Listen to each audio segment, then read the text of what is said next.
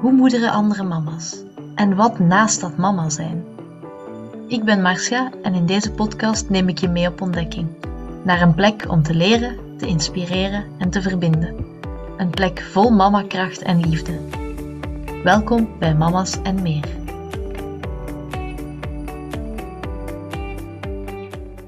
Hallo Rosanne en welkom bij Mama's en meer. Ehm, ja, bedankt om toch een, eh, een gaatje te vinden in jouw momenteel toch wel drukke schema. Want uh, ja, jij bent postpartum doula. Ehm, en daar kom jij een beetje over vertellen hier vandaag. Maar verder weet ik ook nog niet zoveel van jou. Dus ik zou graag hebben dat je iets voorstelt aan mij en aan de luisteraars. Natuurlijk, fijn. Ik uh, ben inderdaad Rosanne. Ik ben um, ja, mama. Ik ben 32 jaar. Ik woon in het Leuvense.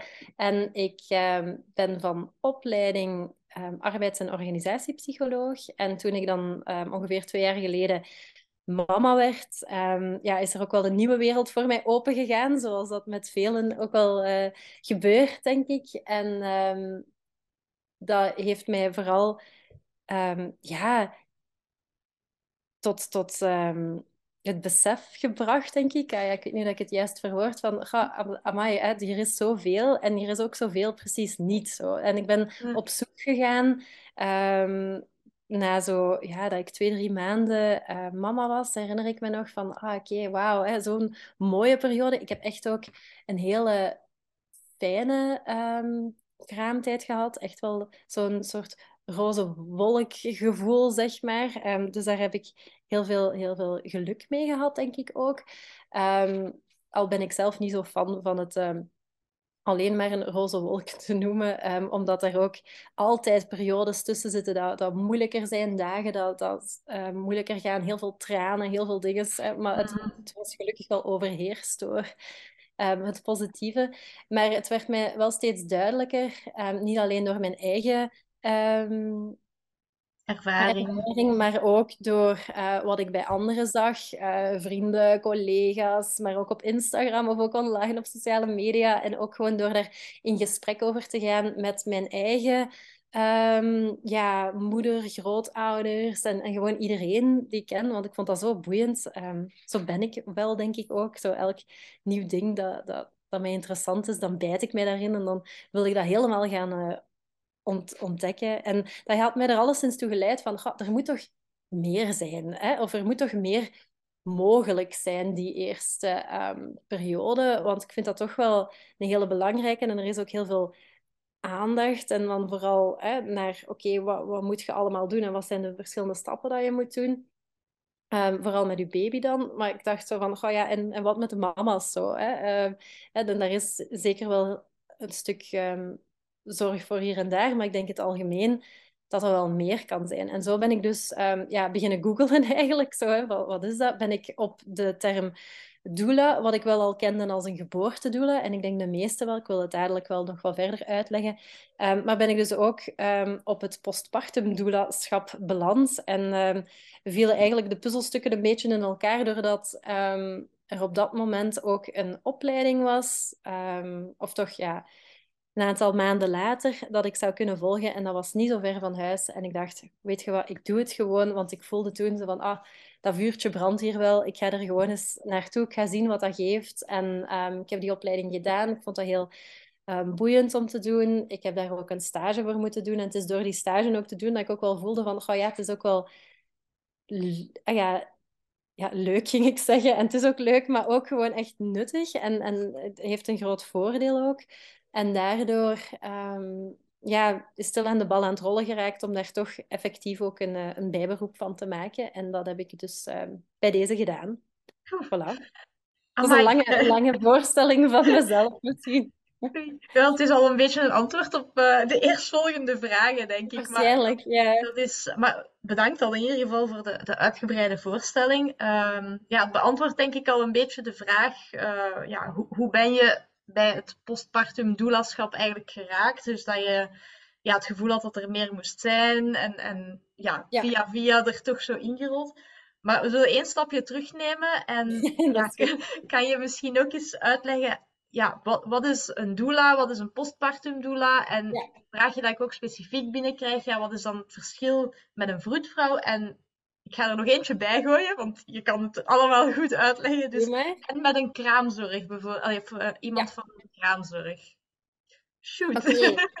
Wel, hele goede vraag. Ehm, dus een, eh, ik zal beginnen met wat een. ehm, alhoewel, zal beginnen met wat een doula is. Hè? Ehm, want een doula is vooral gekend als een, wat, wat we hier een geboortedoula noemen. En dat is uiteindelijk oud-Grieks, als ik het goed heb, voor dienende vrouw. Dus dat is iemand die er, is voor ehm, vrouwen en vooral vrouwen die mama worden. Dus tijdens de zwangerschap, maar zeker ook tijdens de geboorte en een stukje daarna. Dus ehm, de, de, het doula-gegeven dat nu vooral aan het, aan het opkomen is, voel ik wel. Ik denk dat Meghan Markle ook een uh, doula heeft gehad en dat dat toen ook al, al heel veel um, ja, um, wat in de media is gekomen en zo. Maar alleszins um, is, is iemand die je begeleidt gedurende de zwangerschap en de en de bevalling. Um, en die er vooral ook ja, een beetje als steun en toe toeverlaat is. Het grote voordeel is dat je weet wie dat is, dat je weet dat die er ook zal zijn, dat, um, dat die heel wat kennis um, heeft, dat hij ook al met jou in gesprek is geweest en weet wat je op voorhand ja, wat jouw voorkeuren zijn, wat jouw wensen zijn en daarop kan, uh, kan toezien tijdens die periode, omdat dat, omdat dat gewoon ook zo'n um, belangrijke ervaring is natuurlijk, of zo'n belangrijk moment is. Uh, en ook een moment is waar je vaak ook niet altijd um, ja, heel goed weet hoe je, hoe je dat gaat beleven op voorhand. En um, daarna, hè, het postpartum deel, dus na de, na de bevalling, kan een doula dan ook ondersteunend zijn naar voor in eerste instantie vooral de vrouw toe, dus naar de mama toe, van ja, hoe kan Um, hoe kan zij voldoende verzorgd worden? Vanuit het idee van, ja, meestal heeft de baby wel alles wat, ze nodig, wat hij of zij nodig heeft. Um, doordat er vooral veel liefde en aandacht en eten en, en zo verder is. Um, maar moeten we vooral zien dat die mama daar ook in staat toe is om dat ook allemaal te kunnen bieden aan die baby en daar ook ja, zich, zich goed bij kan voelen. Um, dus hoe kunnen we ervoor zorgen dat die, dat die vrouwen zich zo goed mogelijk vinden? Want door die vrouwen naar kracht te zetten, gaan we ook alleen maar de baby ten goede komen. Dus dat is een beetje het idee achter het postpartum doula-schap. en gewoon ook um, ja, dat je na een bevalling gewoon zo herstellende bent. Dus je moogt daar ook wel gewoon je tijd voor nemen. En je moogt dan ook gewoon even verwend worden. En het, ah ja, het is zelfs niet eens verwennen. Uh, het is gewoon verzorgd worden. Eh, gewoon, ja, de, de, de steun krijgen die je op dat moment verdient. En um, ik denk dat we dat soms een stukje... Ja, verleerd hebben of zo wat overkijken in onze maatschappij of, of in onze wereld vandaag. En ik hoop dan toch een stukje mijn deeltje te kunnen bijdragen om daar um, toch wat meer aandacht op te gaan richten opnieuw. Um, wat is het verschil dan met een vroedvrouw? Een vroedvrouw is medischer in die zin dat die medische handelingen kan uh, uitvoeren. Um, en ja, een, uh, spuiten kan zetten, u kan hechten, u kan uh, u, echt uw, uw wondes gaat um, opvolgen en ook veel meer de baby ook kan, kan opvolgen. Hè? Um, dus op vlak van um, ja, bijkomen voeding, gewicht, we hebben de ademhaling, ah ja, alle mogelijkheden uh, of problemen dat er mogelijk zijn. wat niet wegneemt dat er heel veel vroedvrouwen zich steeds meer ook aan aan het ja, ik weet niet of het bijscholen is, ja. um, maar, maar daar ook wel heel veel aandacht ook al hebben voor die zorg voor de baby, maar ook voor de mama. dus dat is eigenlijk een hele mooie samenwerking. Ik denk het, het grote verschil met een doula is dat die ja, vaak in, in de traditionele versie van, van het gegeven zo, is, is dat eigenlijk iemand die een maand lang of twee maand lang bij u thuis zou inwonen, bij wijze van spreken, en daar gewoon zijn en, en u ondersteunen. Terwijl um, ja, de andere dingen die wij kennen, um, zoals de vroedvrouw of de huisarts waar je naartoe gaat en zo, dat zijn meer specifieke uh, momenten. Dus um, traditioneel is je postpartum doula iemand die daar langere tijd bij u aanwezig en thuis is. Waar, wat wij in België ook de, um, het voordeel hebben dat we inderdaad kraamhulp hebben. Dus wat, wat doet kraamhulp is zo meer het ja, huishouden een stuk meer opnemen. Um, hè, dus uh, koken, um, een aantal dingen, misschien boodschappen gaan doen en ervoor zorgen dat alles in huis is. En dan um, misschien ook helpen met de baby, een badje geven, uh, daarin ondersteunen. Wat is het verschil met een postpartum doula? Is dat de doula ook veel meer oog gaat hebben voor de mama en ook een aantal rituelen kan uitvoeren specifiek voor de mama. Wat ik nog niet gehoord heb dat een kraamhulp al, mhm. al gedaan heeft. Of ik heb het toch nog niet geweten. Ehm, dus de focus ligt daar een stuk anders.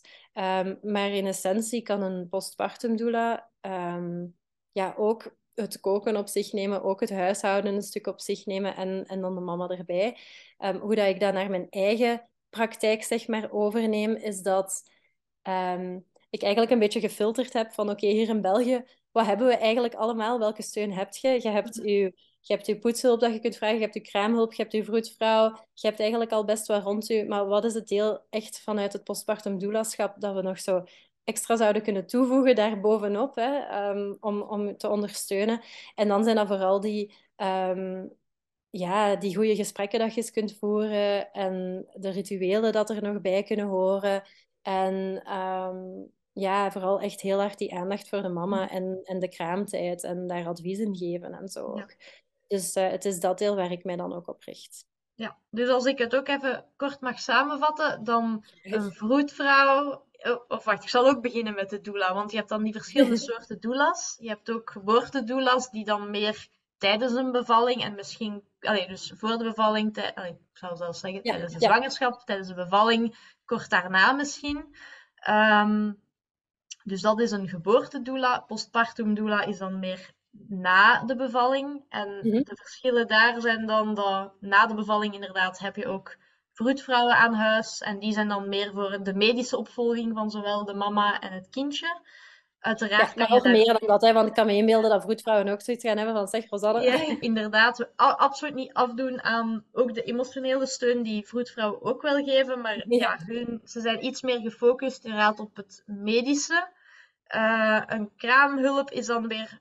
En ook, want ik had dus geen doula, ik had wel een vroedvrouw en een kraamhulp. En ik heb eigenlijk ook vrij veel goede gesprekken met die kraamhulp kunnen hebben, maar die zijn, hun focus is dan meer op het huishouden en, en zorgen dat ja, het praktische meer um, gemanaged blijft. En dan een postpartum doula gaat echt over dat dragen van de mama, het verzorgen, uh, ook meer die emotionele steun dan. Ja, oké. Daar gaan we het al zo even op samenvatten. En jij vermeldde iets van rituelen. Wat zijn dan zo typische rituelen die een postpartum doula onder andere kan doen?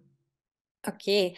Ehm, ik denk een, een belangrijke een, een, goed gekende gaat gewoon al massages zijn. Um, dus het masseren van uh, voeten, van handen, van schouders en um, daar, daar ook gewoon echt ja, zorg rond doen. Dat zijn zo heel um, ja, ronde bewegingen altijd. En zo gewoon echt, ja, je echt kunnen voelen van, ha, oké, ik mag hier verzorgd worden ook. Um, en uh, een interessante daarbij vind ik zelf ook de buikmassage. Die ik daarvoor eigenlijk nog niet kende. En ik heb nu al een paar massages wel eens gehad. Ook daarvoor, in mijn zwangerschap en zo. Maar uw buik wordt eigenlijk bijna altijd overgeslagen. Um, terwijl dat in het postpartum net, um, net heel wat aandacht mag krijgen vanuit het idee van, ja, je hebt zo lang je kindje binnen u, ja, in je buik gedragen. Hè, en dan heb je die bevalling en dan ja, gaat eigenlijk alle aandacht naar, naar die baby en naar buiten. Maar is, is, is er zoiets leeg bijna in uw, in uw, um, in uw lichaam? En mogen we daar ook wel de tijd en ruimte voor nemen om dat, om dat eens um, ja, te doorleven zo, en daar, daar is bij stil te staan. Dus ook buikmassages worden zeker um, gedaan. Dat kan dan vooraf gegaan worden door ja, een soort belly paste noemt dat dan. Dat is dan dat je je, buik inwikkelt in um, ja, bepaalde kruiden en, en, en olies en zo. Dus bij heel het doulaschap komen wel heel wat kruiden en olies en ja, geuren en, en, en zo aan bod, zeg maar. Um, wat zijn nog rituelen? Is um, En uh, een Yoni Steam is misschien ook nog wel uh, interessant om te weten, is echt het, een stoombad van onder hè, voor, um, voor je, ja, Yoni, zoals we het uh, mooi kunnen noemen voor de vulva en de vagina. Want uh, ik weet niet of iedereen de term yoni gaat kennen. Ja, nee, dat is waar. Dat is waar, voilà. Dus dat is een mooie benaming voor... Ehm, we gaan inderdaad ervoor zorgen dat die stoom goed doorkomt. Dat, um, en, en stoom zorgt er ook voor dat dat, dat, dat iets verder ook doordringt in je huid. Um, en gaan we daar ook bepaalde kruiden in doen om ervoor te zorgen dat dat goed kan herstellen uiteindelijk ook. Hè. Dus het is echt vanuit dat in, inzicht van herstel...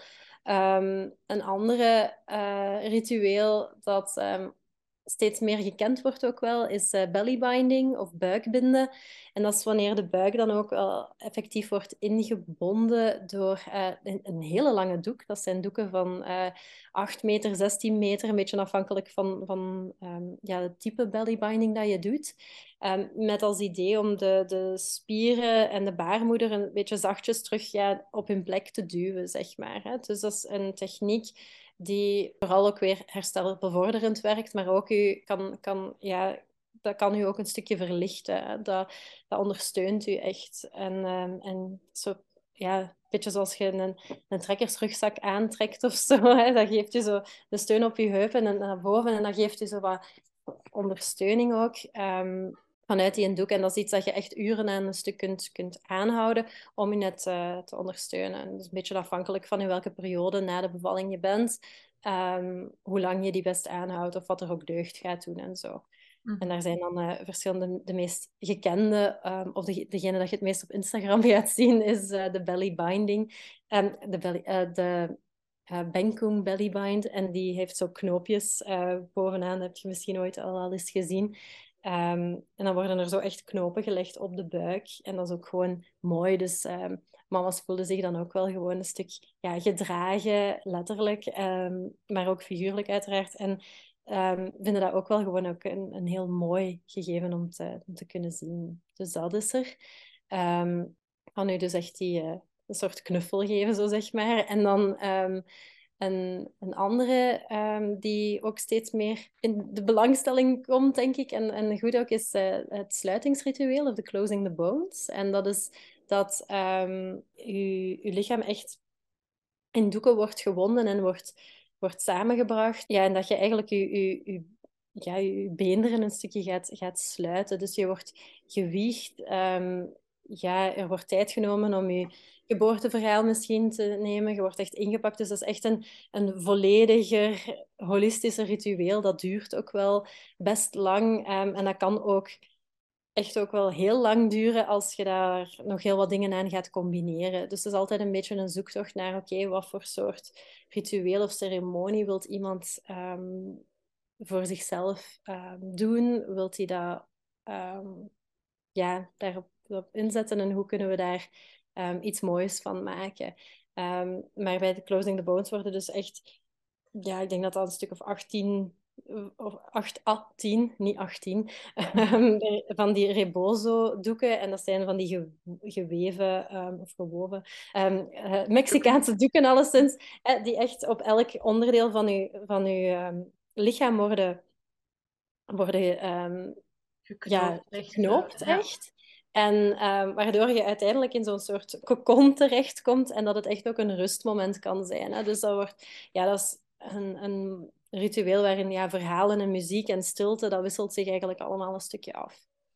Um, ja, dus ik denk dat dat de meest interessante zijn, zeg maar, of zo de meest sprekende. Um, maar zeker ook ja, een voetbad geven, wat extra info geven over ja, dat, dat herstel bijvoorbeeld andere wat, postpartum doula's ook heel veel doen, is ja, um, zo'n beetje het moderne heksenwerk, denk ik, van zo ja, olies en, en kruiden een beetje gaan mengen, theetjes uh, maken die ervoor zorgen dat dat um, ja, herstelbevorderend is, maar ook um, de borstvoeding bijvoorbeeld kan ondersteunen of ja, gewoon iets wat je op dat moment nodig hebt. Iets dat het, het grote kernwoord, zeg maar, uh, is warmte altijd. Hè? Dus er mhm. gewoon voor zorgen dat we gaan verwarmen.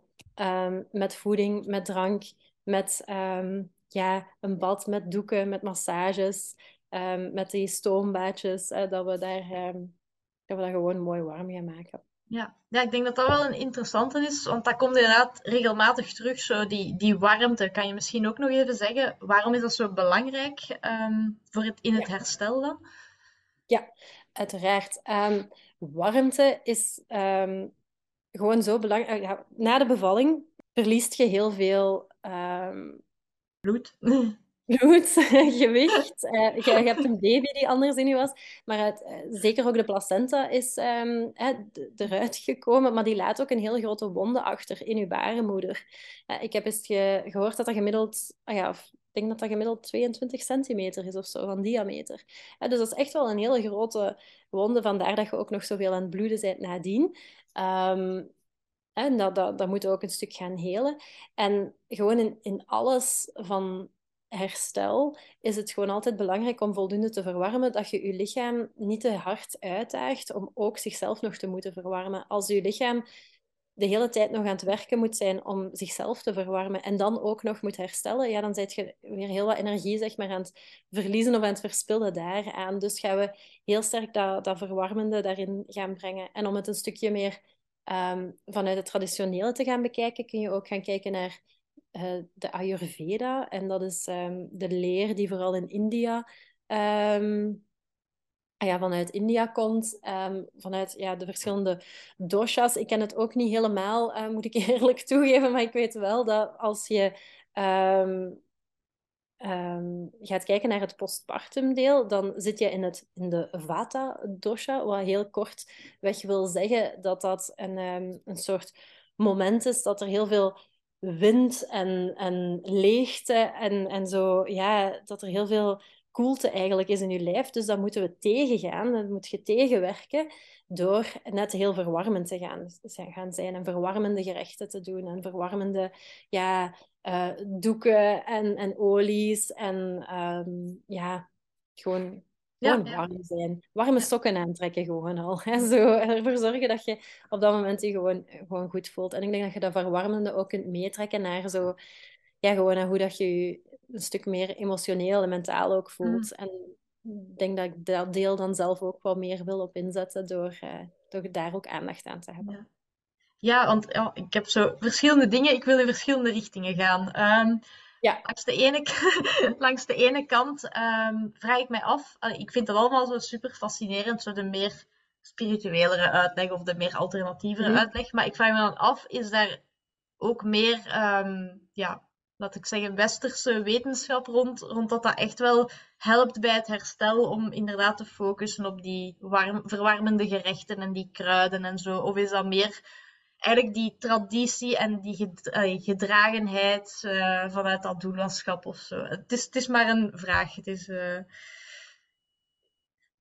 Ja, um, ja, ik denk gewoon puur vanuit het Westen weten we al van ja, dat, dat het belangrijk is dat je dat, dat herstel nodig hebt en dat je daarop moet ah, ja, hè, dat, dat um, we daarop letten. En ga, um, wat we, wat we ook weten steeds meer, is dat er um, heel wat uh, vrouwen of ouders, hè, pas geboren moeders en vaders, mm. zich ook vaak minder goed voelen. Hè? Dat, dat die ook wel ja, een stuk overdonderd worden door, door die periode. En um, daar, daar is al best wat onderzoek naar. Hè? In die zin dat we weten dat er ja, dat dat gewoon bestaat. Hè? Dat er toch wel, denk dat het 1 op 5 is die uiteindelijk daar wel nog heel heel sterk van onderuit gaat. Ja, dat is heel moeilijk. Ja, het is altijd moeilijk, want hoe meet je het en, uh, en op mhm. welke manier is het uh, bekeken en zo. Dus er bestaan heel veel um, cijfers rond, denk ik. Uh, maar in het algemeen weten we wel dat dat, dat, dat een heel overdonderende periode is. En die, in die zin denk ik dat het altijd zin heeft om um, ja, op dat moment um, ervoor te zorgen, meer echt op het kruidendeel hè, of zo, het, het fysieke um, deel weten we vooral dat uh, verwarmende gerechten gewoon interessant kunnen zijn, omdat dat, ja, zoals ik al zei, gewoon je, je lichaam uh, een stuk mee verwarmt en dat je op dat moment ja, dan niet aan het tegenwerken bent. Maar om nu echt te kunnen zeggen van, ah ja, dat is... Ah ja, ik weet niet wat dat volledig op je, op uw vraag antwoordt. Ja, ik was, me, ik was benieuwd of dat, dat in die doula-cursussen bijvoorbeeld ook iets van vermeld wordt. Van, omdat, natuurlijk, dat is zo de traditie, maar ik, uh, ik kan mij ook wel inbeelden, omdat we nu, ja, we brengen dat meer naar het Westen, uh, omdat ook, laten we zeggen, mensen aan te spreken die misschien niet zozeer op het traditionele stuk of het spirituele stuk of zo, maar dat die gewoon iets hebben van ja, die gedragenheid en die hulp. Mhm. Want die gerechten zien er altijd heel lekker uit, bijvoorbeeld. Hè? Maar ik, zie, ik zie ook bijvoorbeeld dat er dan soms dingen passeren als ja, misschien beter geen gewoon slaatjes eten of zo, om, omdat dat te koud is. En ja, dan denk ik, ik ben in de winter bevallen, dus, dus bij mij waren het meer zo de warme, hartige gerechten. Maar ik weet niet hoe dat zit als je in de zomer bevalt en het is warm, of dat ik dan per se altijd van die warme curry's wil eten of zo. Ja, dus dat is ja, iets dat ik mij afvroeg. Nee, dat is Nu, in het, in het traditioneel, wat wij in de postpartum doelen uh, cursus meekrijgen, is, jawel, hè, ook al is het zelfs een hittegolf, dan nog um, geen ijswater gaan drinken of zo. Um, nu natuurlijk, ik, ik, denk dat we dat altijd een stukje moeten nuanceren met het feit van als je op dat moment kei veel zin hebt in een ijsje en je hebt al zo lang ja, ga er dan alsjeblieft voor. Hè. Um, maar in het algemeen um, gaat je op dat moment zelfs ook nog uh, ja, water op kamertemperatuur ervoor zorgen dat je inderdaad zo ja, niet te veel verkoelende dingen gewoon um, eet. En je hebt wel ja, bepaalde voeding die gewoon meer verwarmend is dan andere, bijvoorbeeld gember of um, uh, kurkuma is ook al bijvoorbeeld uh, wetenschappelijk wel al bewezen dat dat ook al best wat herstel kan bevorderen. En um, in die zin heb je wel, denk ik, vanuit het Westen steeds meer um, zicht op het feit dat dat, dat, dat wel ergens rond heeft. Dus uh, ik wil mij zeker hier niet gaan opwerpen als, als voedingswetenschapper. En ik vind het altijd ook een beetje gevaarlijk om zo dingen te gaan, gaan vermelden. Maar in die zin, ja, bijvoorbeeld um, havermout of zo. Hè, is, is, uh, wordt, wordt ook vaak naar voren gebracht als, als uh, goed voor um, borstvoeding of in het algemeen. Maar het is gewoon ook zo'n krachtvoer. en dus dat er ook voor zorgt dat je op dat moment... Je hebt gewoon energie nodig. Hè? Ja, postpartum is het laatste dat je wilt doen, is gaan diëten, bij zo'n spreken. Je hebt echt veel honger en, en, luister daarnaar en eet genoeg. En zie dat je ja, vooral ook um, ja, dat, dat, dat vullend is, dat dat voedzaam is, dat dat ook vlot te eten is. Dat vind ik ook een belangrijke, dat je ook dat snel kunt binnensteken. Ik had zelf heel graag bananenbrood en nu nog, ah ja, dat is een beetje mijn ding. Um, maar ik ben dat toen in die periode ook altijd in zo van die cupcakes beginnen maken, ah ja, vormpjes beginnen maken, in plaats van uh, zo hele broden, zo, want dat kon ik veel vlotter in mijn mond steken, makkelijker in te vriezen. Um, uh, dus zo... Ja, dus in die zin denk ik, zeker op voedingsgebied, kun je dat zeker inderdaad bij dat, bij dat meer westerse gaan plaatsen. Van, ah ja, je wilt, je wilt voeden, je wilt zien dat je genoeg energie, dat je genoeg brandstof binnen hebt. En ja, dan weten we wel welke voeding daarin in plaatsvindt. Dus dat is ook wel interessant. Bijvoorbeeld in de um, meer traditionelere Ayurvedische gaan ze ook veel pilvruchten gebruiken, veel linzen en, en mongibonen en, en van die soort dingen. Um, en ook daar weten we dat dat, dat, dat ook wel ja, goed kan zijn. Uh, inter, ja, opnieuw, durf er niet te, met te veel op, op uitspreken. Ehm, maar we weten ook dat dat bijvoorbeeld ja, wel een stuk gasvorming kan, uh, gasvorming kan, kan brengen in je darmen. Dat dat ook niet al te belangrijk is om dat te doen in zo de echte eerste dagen na je bevalling. Um, maar dat we dat daarna weer kunnen opbouwen. Dus in die zin, um, ah ja, of rond al die soort dingen krijgen we wel, hebben we wel heel wat dingen meegekregen in die cursus ook. Ja, ja. ja het, is, het was gewoon uit interesse dat ik me gewoon afvroeg van ja, ja, ja. ja wat... ik ook nog wou zeggen, want je zei iets van die curry's. En dat is absoluut waar. Er worden zo heel veel curry's gemaakt. En zo van, ah ja, oké, wat kun je daar dan... En dat zijn dan met die, uh, met die bonen of met die linzen of uh, zo van die verwarmende dingen. Maar dat kan ook gewoon meer ons westers ding zijn. Hè. Eet, eet soep, hè. Of een stoofpotje. Of uh, zo bouillon. Of dingen, dingen waar je gewoon zin in hebt op dat moment. mag, mag allemaal. Hè. Dus het komt erop neer, het kan allemaal besproken worden met de postpartum doula van uh, wat je graag Tuurlijk. Ik denk zoals dat ook met de kraamhulp is. Dat is een van mijn ideetjes misschien ook om ooit te maken. Is zo een soort ja, gids- of receptenbundel van wat zijn opties om uh, voor te leggen aan kraamhulp. Van, uh, zou, zou je dit alsjeblieft voor mij kunnen, kunnen maken? Dat, zeker dat, klinkt, dat klinkt echt wel als een handige ding. Voor mij was dat inderdaad soms zo nog de extra druk op dat moment met kraamhulp ook, want ik heb zelf ook kraamhulp gehad. Met, ja, dat gaf mij eigenlijk nog een extra druk vaak, omdat ik ja, niet goed wist wat ik wou of wanneer ik het wou en wat ik in huis moest halen. En, en dan moest mijn man dan misschien toch nog even naar de winkel, want anders moest zij dan nog naar de winkel en dan gingen we niet genoeg tijd hebben om dat nog te maken. En dat, hoe dat, ja, dat, dat, dat zorgde voor veel onrust in mijn hoofd ook op een of andere manier. En ik denk dat dat inderdaad soms ook het voordeel kan zijn van, van een uh, postpartum doula, die ook al gewoon weet van ah, ik ga dit maken en dit is, dit is iets dat jij nodig hebt nu en we gaan hierop inzetten. En ehm, meer met ideeën afkomen. Nu, ik weet ook dat dat heel hard afhangt van de kraamhulp. Dus ik denk dat dat soms ook gewoon... Um... Ah ja, ik wil maar zeggen, ik heb um, nadien ook iemand anders gehad ter vervanging, eh, omdat hij gewoon op verlof ging. En, en dat was heel anders. Dus uh, ik denk dat het ook een beetje afhangt van wie je in huis krijgt. En helaas weet je dat ook meestal niet mm op voorhand. Um, en ik denk dat dat ook gewoon het voordeel kan zijn van, van een doula ook. Hè? Net zoals je dat ook doet voor een geboortedoula. Je weet dan wie je wel aan je zijde gaat hebben. Hè? Terwijl de, je dat misschien niet altijd weet. Ja, want ik wou ook juist zeggen, als, als persoonlijke anekdote bij kraamhulp. Allee, ik vond, wij hadden een hele toffe mevrouw. Dat was ook ja, zo duidelijk hè? Als je daar zo goede gesprekken mee had, dan Ja, ja, maar dat was ook zo een beetje meer een alternatieve. En, dus die, die, en die had zo wel haar mening, dus die begon soms zo wel te zeggen van, ah ja, maar dat kan je zo doen, dan is het zo duurzamer. Of dat, bijvoorbeeld, wij hadden dan zo een babybadje, maar zo een typische, ja, grotere babybadje. En zegt, maar als ze zo klein zijn, is dat niet nodig, dat is veel water. Ik heb een tummy tub, ik zal die meenemen. En zo. Dus ja, ja, ja. daardoor hebben we daar wel heel veel van geleerd ook.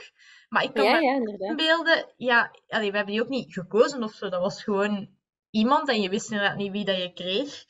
Ehm, dat, maar dat dat bij andere soort, tussen aanhalingstekens, mensen misschien heel slecht zou kunnen vallen. Dat die zoiets hebben van, ja, dit hoeft allemaal niet voor mij en, en moet je misschien niet zoveel. Ja, ja, het is dat. Dus je weet, je weet, je weet de match zo nog niet echt Ja. op voorhand, zeg maar. Hè? Ja. Ehm, en dat is soms wel jammer. En ik snap ook echt dat dat niet, niet, niet mogelijk is vaak. Hè? En, want je eh, weet ook niet wanneer iemand exact bevalt. Dus dat is ook geen exacte planning dat je kunt maken op voorhand en zo. Dus dat zal, dat zal altijd wel een zoektocht Ja. zijn. Ehm, maar goed, dat zou ook een reden kunnen zijn dat je zegt van, "Goh, ik wil... ehm, ik wil iemand specifiek doen. Wat natuurlijk het nadeel is op dit moment, wil ik er toch wel bij zeggen, is dat een kraamhulp natuurlijk heel sterk ehm, gesubsidieerd wordt en dat je daar heel weinig voor betaalt, terwijl een postpartum doula dat op dit moment nog niet is. Dus dat maakt ook wel dat onze tarieven een heel stuk hoger gaan liggen dan wat je voor een kraamhulp betaalt in het Mm. algemeen. Ehm, dus dat is een beetje de afweging, denk ik ook, om te maken. Vandaar dat ik het, ehm, hoe dat ik het zelf, zeg maar, nu aanbreng, hè, is dat ik ja, meer mij richt op ja, heel specifiek die zaken voor de mama. Ehm, meer de, en, en meer de dingen die een kraamhulp en die een poetshulp en die een, die een vroedvrouw misschien minder kunnen, kunnen Mhm. bieden op dat moment. Ja, want ik wou juist ook zeggen, om daarop terug te komen, van, het hangt er inderdaad echt heel hard vanaf wat je wilt. En ik denk ook, ja, doulas en postpartum doulas, daar, daar zit ook heel, heel veel verschil op van wat dat die juist aanbieden en voor welke ja, aanpak dat ze gaan. Dus ik weet niet, wil je een beetje vertellen over, ja, zoals je zei, jij focust dan heel hard op de dingen die bij die andere persoon misschien niet aanwezig zijn. Dus wat zijn zo wat de dingen die jij dan aanbiedt als postpartum doula? Ja, natuurlijk. Ik, ehm, ik eh, bied dan vooral. Ik, ehm, ik heb daarover nagedacht en ik moet zeggen, ik ben daar ook nog een beetje zoekende in. Van oké, ja, wat, wat is hier het meest interessante om te doen? Ehm, want er zijn verschillende opties die je kunt doen, maar als je ze dan allemaal gaat beginnen opzommen, ja, dan wordt het soms ook verwarrend. Dus het is soms makkelijker om gewoon te zeggen van kijk, ik kom voor een bepaalde periode en we kijken een stuk wat jij op dat moment nodig hebt of, of zinnen hebt of eh, wat het meest logische zou zijn voor jou. Dus op dit moment voorzie ik mom-time moments, eh, noem ik het. Dus dan kom ik twee uur aan huis en dan ehm, kunnen we inderdaad ehm, het hebben over ja, hoe, hoe het met u gaat, een goed gesprek voeren. Ehm, ik, ik ben zelf ook best fan van eh, voetenbadjes geven, om, omdat dat zo echt even een grounding moment kan zijn, om even gewoon stil te staan bij, oké? Uh, en dat gewoon ook een heel kleine luxueus gevoel kan geven zo op dat moment. Um, maar ook uh, ja, daar massage aan koppelen. Um, en die bellybinding wil ik ook nog uh, mij verder op inzetten. De andere rituelen dat ik daar straks zei, zoals closing the bones of de yoni steam ook, hè, de, de, zijn, zijn dingen die ik, die ik op dit moment nog niet aanbied of niet aanbied. Mm. dus dat is inderdaad toch wat, wat meepakken. En daarnaast wil ik ook um, inzetten op meer dat begeleidende, dus gespreksvoering. Um, iets dat ik in mijn, mijn hoofdberoep, in mijn andere job ook uh, vaker doe. Dus dacht, ja, ik wil dat, die focus ook wat meer kunnen leggen op de, um, op de mama hè, of uh, op de ouders. En um, vandaar dat ik mij daar ook een aanbod heb naar ja, uh, veerkrachtbegeleiding eigenlijk. Hè. En ik zie dat echt een stuk preventief van...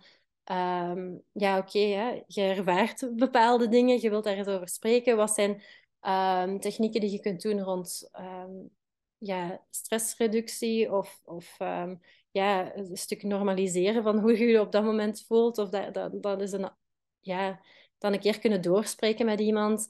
Is kijken wat, wat er moeilijker loopt, wat misschien uh, vlotter gaat, waar je, waar je nood aan hebt, waar je nog advies in kunt gebruiken. Maar vooral ook dat voor jezelf eens kunt, kunt doorpraten met iemand. Dus dat vind ik ook wel een mm belangrijk. Ja, want ik wou juist vragen van, ja, als hoofdberoep ben je dan psycholoog. Um, ja, hoe dat dat dan juist combineert. Maar ik vind, dit is al een heel mooi voorbeeld. Ja. Um, dan misschien, ja, gewoon over jouw leven en dan praktisch. Je bent nog psycholoog in hoofdberoep. Hoe combineer je dat dan eigenlijk allemaal? Hoe ziet jouw typische dag of typische week eruit? Ja, ja, ah, wel, ik ben uh, wel belangrijk om te, te, nuanceren. Ik ben psycholoog van opleiding en ik ben uh, arbeids- en organisatiepsycholoog en ik werk in, in de preventie. Dus ik werk um, ja, bij een organisatie die dan echt ook inzet op, op anderen waar vooral um, organisaties, maar ook werknemers begeleid. Um, vooral rond stress of burn-out of rond pesten, conflicten. Dus in die zin werk ik niet als de klassieke psycholoog, zeg maar, hè, waar, we, waar we misschien snel aan denken.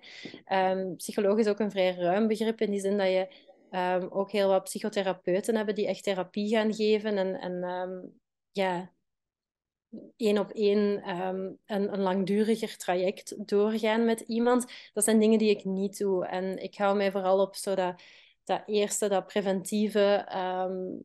en in die zin trek ik dat nu ook een stukje door naar het, naar het? Ja, of heb ik dat er ook graag in meegenomen? Ja, want zoals je ook in het begin al een beetje zei, het is nu eenmaal een periode waar er heel veel op de mama's, maar ook de papa's, het hele gezin afkomt.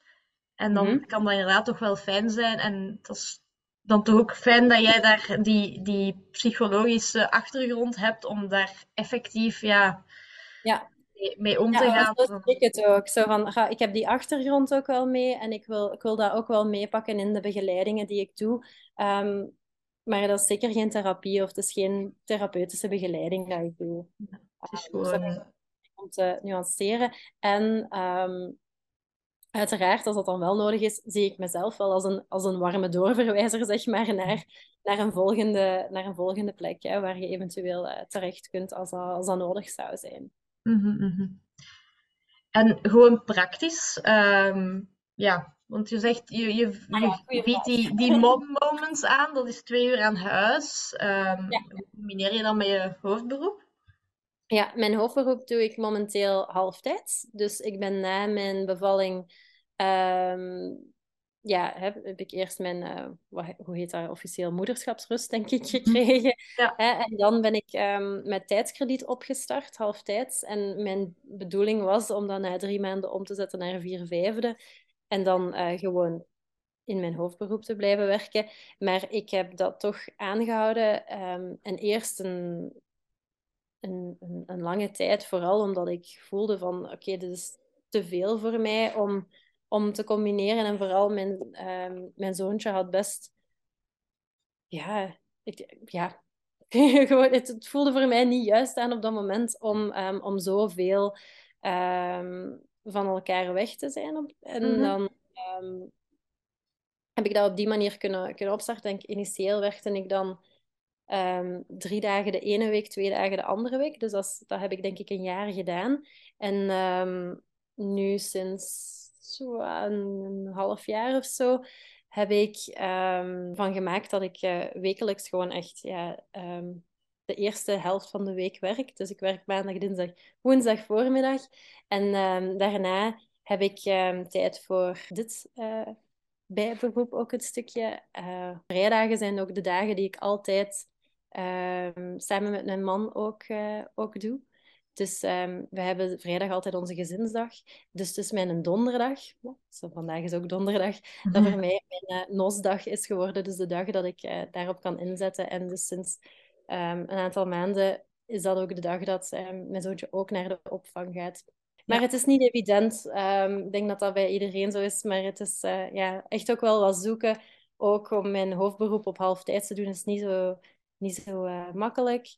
Um, maar goed, zij zijn daar uh, heel hard in, in, in meegedacht. En ik heb daar al heel veel van gehad. Dus ah ja, van gekregen. Dus daar ben ik heel dankbaar voor dat dat wel allemaal mogelijk is om te zoeken naar wat, wat lukt. Um, en ondertussen ja, zo'n bijberoep opstarten is iets dat ik al, al, al op zich langer wou. Dus ik ben blij dat ik er ook nu een stukje voor ja, een beetje in het diepe gesprongen ben. En van, ah, oké, en zeker dat het um, op deze manier kan, kan ontluiken. En we zien wel waar, waar het naartoe leidt. Momenteel ben ik ook wat meer aan het uh, um, verkopen geslagen van, van bepaalde, um, ja, van, van heel specifiek van dozen dat ik nog wil meegeven aan, aan pasbevallen mama's, dus meer als cadeaus. Dus ik ben ook zo'n beetje aan het zoeken van welke um, dingen ik daarin kan doen. Ja, want die dozen zijn, oh, vind ik persoonlijk heel leuk. Dank je. Dus ik vind het ook heel fijn dat je daar dan zo die, die samen, want daar zit een, een tas in, allee, dus om uit te drinken, maar dat is dan ook door iemand lokaal handgemaakt en zo. Ja, dus ja, ja, daar... klopt, klopt. Ja. ja. Dus, ja, uh, dat vind ik ook wel belangrijk, dat, dat als ik het dan uh, toe dat we het een beetje uh, ja, samen kunnen doen of zo. Net zoals ik het ook fijn vind dat jij hier uh, dit wilt doen. Het voelt ook heel lokaal aan. Ja, ja, ja, misschien voor de luisteraars, we zijn allebei van Kesselo blijkbaar. Maar, uh, inderdaad. zijn Leuven. Um, inderdaad, maar ja.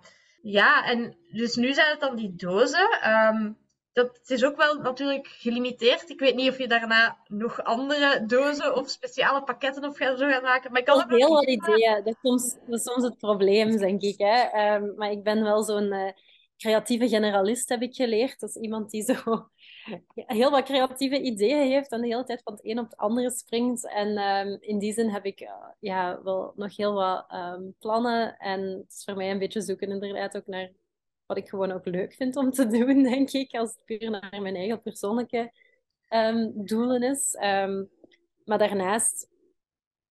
Wacht, hè, wat was uw vraag? Ja, nee, eh, ik kon de vraag nog niet stellen, maar je was al bijna aan het antwoorden. Um, nee, ik had een hele mooie vraag nog binnengekregen over ja, wat zijn jouw dromen nu nog met jouw bijberoep? Dus je zegt al, je hebt heel veel ideeën. Zijn er misschien al dingen die wel al duidelijk zijn? Of een missie of zo, dat je zegt, dat wil ik er nu echt wel mee bereiken? Ja, ja. wel, een, een missie heb ik sowieso. En dat is ervoor zorgen dat er gewoon meer aandacht komt voor dat postpartum deel. En dan vooral naar de, naar de mama en, en bij gevolg ook de partner en, en de omgeving toe. Van, en de persoon dus na de geboorte wordt de aandacht heel snel op de baby gelegd, ook medisch. Hè, van ah, oké, we gaan die opvolgen en, en dan gaan we naar kind en gezin. En heb je dan van alle afspraken en hè, gaan, we, gaan we kijken hoe dat die zich voelt. Um, maar dat we daar ook voldoende aandacht um, ja, kunnen en durven op leggen voor oké, maar hoe voelt uh, de ouder zich en hoe kunnen we die voldoende ondersteunen en kunnen we daar nog aan bijdragen, kunnen we die nog zorg bieden. Um, dus ik denk dat ik mijn steentje al zeker aan het bijdrage zou zijn. Of ik zou wel heel content zijn, zeg maar, als, dat er, uh, als ik er op een of andere manier voor zorg dat dat toch al iets meer in de aandacht komt. Um, dus dat is mijn missie toch wel. En, dan um, denk ik meer puur voor mij persoonlijk of hoe dat ik er naar kijk. Um, van hoe dat ik dat zie evolueren, wil ik dan vooral meer ja, een stuk zoeken van oké, hoe, hoe kan ik dit combineren als bijberoep? Wat zijn de logische dingen om te doen? Wat, wat vind ik zelf leuk ook om te doen? Um, en, uh, en, daar een beetje mijn mijn ding van kunnen maken. Dus uh, ja, inderdaad, dan het praktische is gewoon dan meer, ja, hoe combineer je het dan praktisch gezien en hoe brengt het ook misschien genoeg op, om het zo te zeggen. Um, maar qua ideeën zie je nog wel wat er allemaal binnenkomt. En ja, ik, ik herken het ook heel hard dat je zo... Je wilt je er gewoon een beetje in uitleven, hè. Van, um, ik wil er zo die leuke dozen of zo maken. Of dit idee komt nu binnen. Of dit ja, maar ik wil vooral ook zien dat ik inderdaad... Ja, mama's kan ondersteunen. Dat we daar inderdaad ook, ook aandacht voor hebben. Dat, dat, dat, er, um, ja, dat we er dat we daar durven tijd in, in steken en durven inderdaad in, in investeren ook. Om daar meer van te maken dan enkel een, een ja, mini-periode in je leven en dan nadien alles weer teruggaat als normaal. Want dat is gewoon ook niet zo en dat hoeft ook mhm. niet zo te zijn. En we hoeven dat beeld ook niet op te scheppen dat dat zo moet zijn. Ja. Uh, en daar zou ik ja, het leuk van vinden, moesten we dat, moest dat een stuk meer algemener worden of zo. Moesten we daar algemener van uitgaan dat dat, dat, dat gewoon een andere periode is, dat dat een transitieperiode is. Ga misschien nog een moeilijke vraag stellen. Hoe denk je dat wij daar allemaal een beetje aan kunnen bijdragen? Oh, heel, heel simpel, gewoon door al um, ja, door, er aandacht voor te hebben, denk ik. Als er iemand in je omgeving een, een kind krijgt of een kind gaat krijgen, om, om ook al stil te staan bij, oké, en hoe, hoe ziet jij die periode nadien en hoe kunnen we u dan ondersteunen? En um, ik denk een hele klassieker is kraamkost, maar dat is, um, ah ja, dat is eigenlijk niet zo'n klassieker. Dat is nog niet zo heel lang ingeburgerd hier om dat te doen. Maar ik zie wel in mijn omgeving toch alleszins dat dat steeds meer um, een ding wel is om een, een, een warme ovenschotel of gewoon al een gerecht is um, klaar te maken en te gaan afgeven aan ouders die, uh, die echt in hun kokon zitten op dat moment. Hè, die echt in die, in die kraamtijd zitten.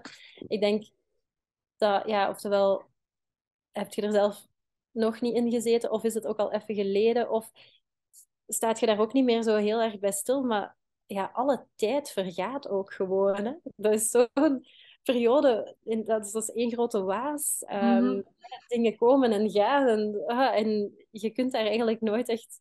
Ah ja, of je kunt daar soms zelden maar ja, echt een, een mooie chronologie nog aan plakken. En dat hoeft ook helemaal niet. Maar ik denk dat we dat dan gewoon als omgeving ook niet moeten verwachten van die persoon op dat moment. Dat het heel moeilijk is voor hen om op een bepaald uur ergens te zijn, bijvoorbeeld. Of uh, dat we dat misschien ook gewoon niet moeten verwachten en dat we die ook kunnen ondersteunen. Um, ik weet heel concreet, ik heb een vriendin gehad die in mijn kraamtijd, als we dan eens iets gingen afspreken, en ah ja, toen waren we al, al wat verder, hè, dan was, ik, dan was mijn zoontje drie, drie, vier maanden, denk ik wel echt. Of, of ja, alleszins, het waren niet die eerste uh, prille weken echt.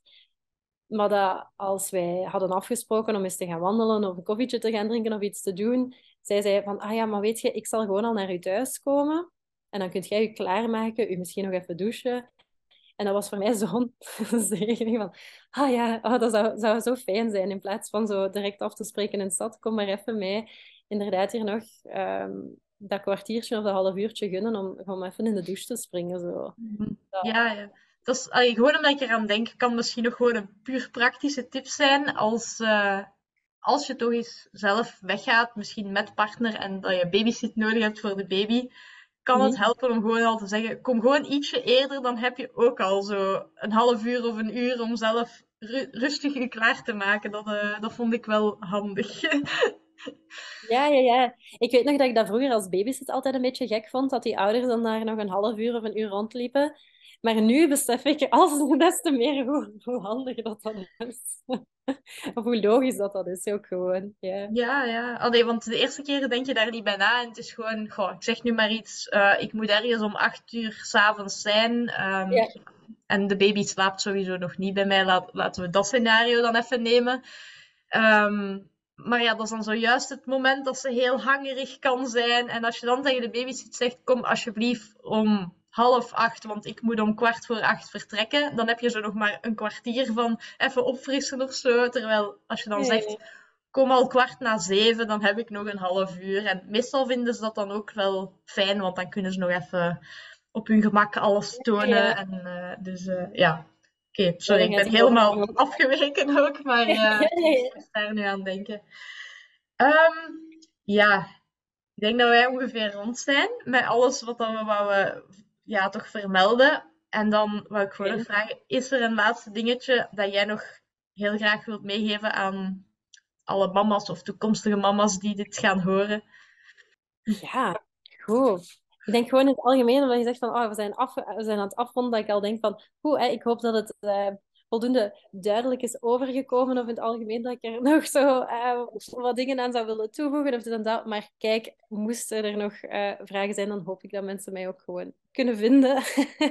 maar in het algemeen, wat ik zeker nog wil meegeven, is um, het feit dat we gewoon ook zeker ons um, gevoel een stuk mogen volgen. Er, er heerst heel veel kennis en wetenschap. En ik denk dat het ook vaak zinvol is om dat te weten en, en u daarop op in te lezen en dat. Maar ik denk dat we daarnaast ook ja, een stuk soms mogen loskomen van het feit dat we het allemaal zo goed en, en, en ja, ja, dat, dat dat ons zo kan um, verkrampen bijna.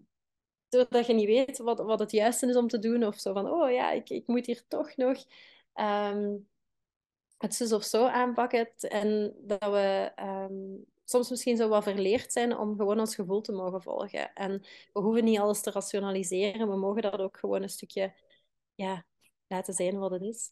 Um, en, en zo terug een stuk durven vertrouwen op dat gevoel ook ergens. Want ik denk dat we allemaal wel een, een sterke intuïtie hebben, zo, en al zeker mama's. Um, en ik denk dat soms ook wat zoeken is naar, oké, welke aspecten van mijn, uh, van mijzelf kan ik hier terug in vinden of kan ik, kan ik zo op gaan vertrouwen ook.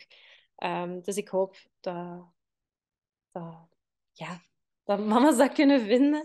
En ja, verder wil ik vooral ook, of hoop ik dat is overgekomen, dat ik vooral ook een stukje wil normaliseren dat de periode na een baby gewoon ook anders is. Hè. Er is echt gewoon een voor en er is een na. En het is een periode dat, dat, um, dat er gewoon van alles verandert in je, in uw lijf, uiteraard. Hè. Um, emotioneel, mentaal, fysiek. Maar ook gewoon in uw leven en in, uw, in, in hoe dat uw carrière er waarschijnlijk ook een stukje misschien uitziet. Of hoe dat je dat gaat combineren. Hè. Dus ik denk dat het ook gewoon um, goed is dat we dat duidelijk stellen dat dat ja, dat dat normaal is of dat dat erbij hoort. Um, want zolang dat we in een soort gedachtegoed zitten van...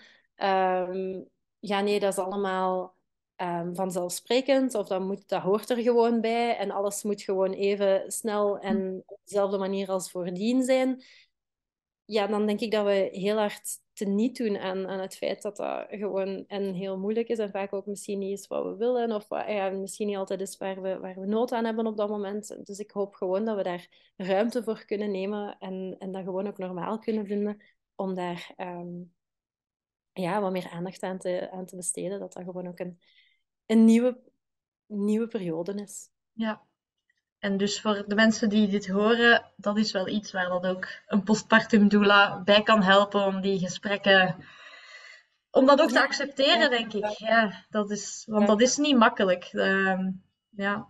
En ik denk dat dat een hele mooie afsluiter was. Dus, uh... Ja, en nu zelf daar inderdaad ook een stukje in te vinden. Hè? Want het is, een, het, is een, het is een nieuwe identiteit dat je uiteindelijk ook aanneemt. Hè? En uh, om daar inderdaad uh, tijd en, en ruimte voor te nemen. Dat zou ik een belangrijke vinden. Voilà, we zullen daarmee afsluiten. Heel erg bedankt, Rosanne, om erbij te zijn. En, heel uh, graag gedaan. Heel veel succes. Voor. Ja, graag gedaan. En uh, veel succes met je verdere missie. Dankjewel. Graag gedaan. Dag. Dankjewel om te luisteren of te kijken naar deze aflevering van Mama's en meer. Als je het leuk vond, dan kan je deze podcast helpen groeien door hem te delen met familie, vrienden of op je sociale media. Je mag me ook altijd taggen of een berichtje sturen via Mamas en Meer op Instagram. Dat is mamas.en.meer op Instagram. Nogmaals bedankt en tot de volgende aflevering. Dag!